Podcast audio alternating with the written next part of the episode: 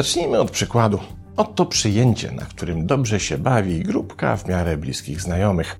Pośród nich centralne miejsce zajmuje Stefan, który wraz z innymi słucha Tadeusza, który z kolei opowiada jakąś historię. Jednak Tadeusz ma to do siebie, że lubi sobie narracyjnie poużywać i co jakiś czas ubarwia swoją opowieść jakimś rzadkim słowem. Co róż więc w opowieści słychać, a to eksplikacja, a to kontrefekt, a to znowu ambiwalencja.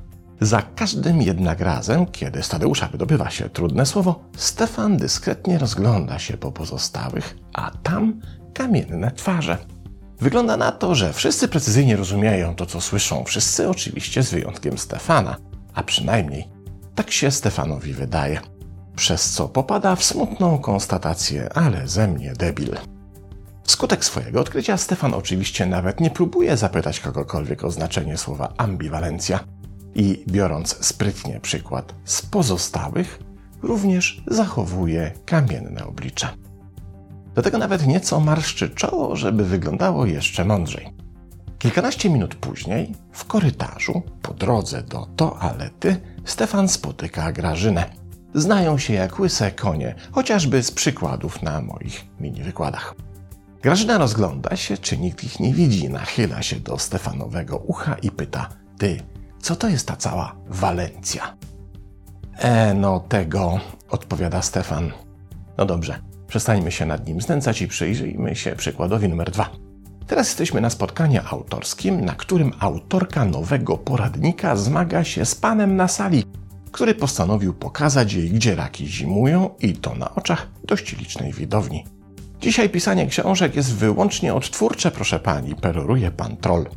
Poza tym, wy, psycholodzy, to lubicie ludziom wciskać kit. Przecież te treści to można by w jednym zdaniu powiedzieć, a do tego pani powiem, że nie ma pani kompletnie racji co do narcyzmu. Na co na szczęście spokojna pani autorka odpowiada: Drogi panie, moja książka jest o badaniach nad właścicielami kotów. Książkę o narcyzmie napisała inna autorka, Spotkanie autorskie jest w sali obok. Takich przykładów można by wymieniać bez liku, bo przecież każdy z nas na swej drodze spotkał się z sytuacją, w której nadmiar pewności siebie okazywał się po jakimś czasie nieadekwatny do rzeczywistych umiejętności i wiedzy. Niestety czasem trafiamy na ludzi, którzy zazwyczaj przeceniają swoje możliwości i to zarówno kognitywne, jak i intelektualne. To oczywiście wielce irytująca cecha, tym bardziej, kiedy okazuje się, że za zbytnią pewnością siebie stoi tak naprawdę chęć ukrycia własnych braków. A przekonujemy się o tym, kiedy taki efekt jest widoczny, czyli w sytuacji, w której prawda wychodzi na jaw. Jednak co z sytuacjami, w których ta nadmierna pewność siebie nie jest weryfikowana, bo akurat dany delikwent nie zostaje przyłapany na mydleniu oczu? Nie dzieje się nic takiego, co mogłoby wyjaśnić, jak jest naprawdę. Co w sytuacji, w której rzeczywistość nie wypowiada magicznego słowa sprawdzam? Czyli w sytuacji, w której na przyjęciu wszyscy udają, że wiedzą, co to ambiwalencja i nijak nie da się sprawdzić, czy oszukują, czy nie. Lub w sytuacji, w której bierzemy do siebie czyjeś przekonanie, bo przecież wypowiada je z taką pewnością siebie, że uznajemy je za prawdziwe. Ilu takich ludzi spotkaliśmy na drodze i ile razy daliśmy się nabrać, uznając, że skoro ktoś tak przekonująco twierdzi, że coś potrafi, to rzeczywiście to potrafi. Kiedy Zdzisiek bierze się za kafelkowanie czy skok przez fontannę i mówi: Ja nie dam rady, trzymaj mi piwo i patrz, to sprawa jest oczywista. Stoimy z kuflem piwa w ręce i patrzymy, jak Zdzisiek wykafelkował kibel że Picasso by się nie powstydził, lub jak właśnie stoi po pas w fontannie i próbuje uratować zamoczone dokumenty i telefon. Czy w sytuacji braku weryfikacji pozostaje nam wyłącznie uwierzyć na słowo w czyjeś umiejętności, kompetencje czy wiedzę? Otóż nie, bo zbytnia pewność siebie działa jak papierek lakmusowy. Brak wątpliwości w swoje umiejętności ma wyłącznie ten, któremu brakuje kompetencji, by ten brak samemu odpowiednio ocenić. I tutaj badania nie pozostawiają na zbytniej pewności siebie suchej nitki. Zespół naukowców pod wodzą Davida Doninga z amerykańskiego Uniwersytetu Cornell, tak, tego samego od efektu Krugera-Doninga, o którym opowiadałem w odcinku 40, wykazał ciekawy mechanizm znany jako overclaiming, w którym ludzie przeceniają swoją wiedzę, twierdząc, że dysponują wiedzą o pojęciach, wydarzeniach i ludziach, którzy nie istnieją, ponieważ sami siebie oceniają nadmiernie pozytywnie w kontekście intelektualnym umiejętności czy kompetencji.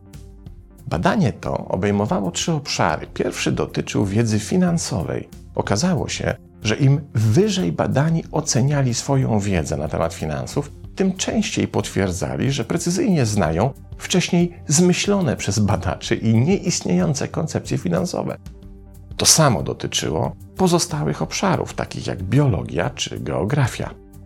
Ci z badanych, którzy ocenili wysoko swój poziom wiedzy w tych dziedzinach, częściej uznawali, że istnieją fikcyjne pojęcia, np. nazwy nieistniejących zwierząt czy roślin, lub uznawali za prawdziwe nieistniejące miejsca geograficzne czy fikcyjne nazwiska niby znanych geografów. W innych badaniach O'Briena i Cardasa z Uniwersytetu w Chicago odkryto fascynujący efekt, w którym ludzie oglądając czynności wykonywane przez innych ludzi uznają, że dzięki temu oglądaniu zdobyli podobne kompetencje.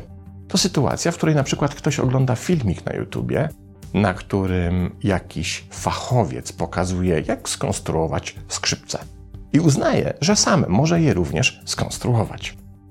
Badanie sprawdzało poziom trzech umiejętności: rzucania lotkami, tanecznego kroku moonwalk oraz grania w gry online. Okazało się, że badani uznawali wzrost swoich umiejętności w tych trzech obszarach po obejrzeniu filmu instruktażowego.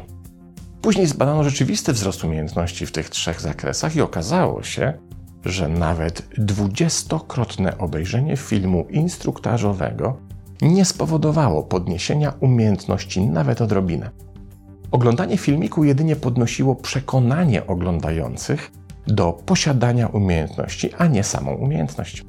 A to oznacza, że przerost pewności siebie w kontekście posiadanej wiedzy czy kompetencji może mieć swoje źródło w wewnętrznym przekonaniu o nabyciu takiej wiedzy czy kompetencji jedynie po tym, jak obserwujemy posiadanie takiej wiedzy czy kompetencji u innych.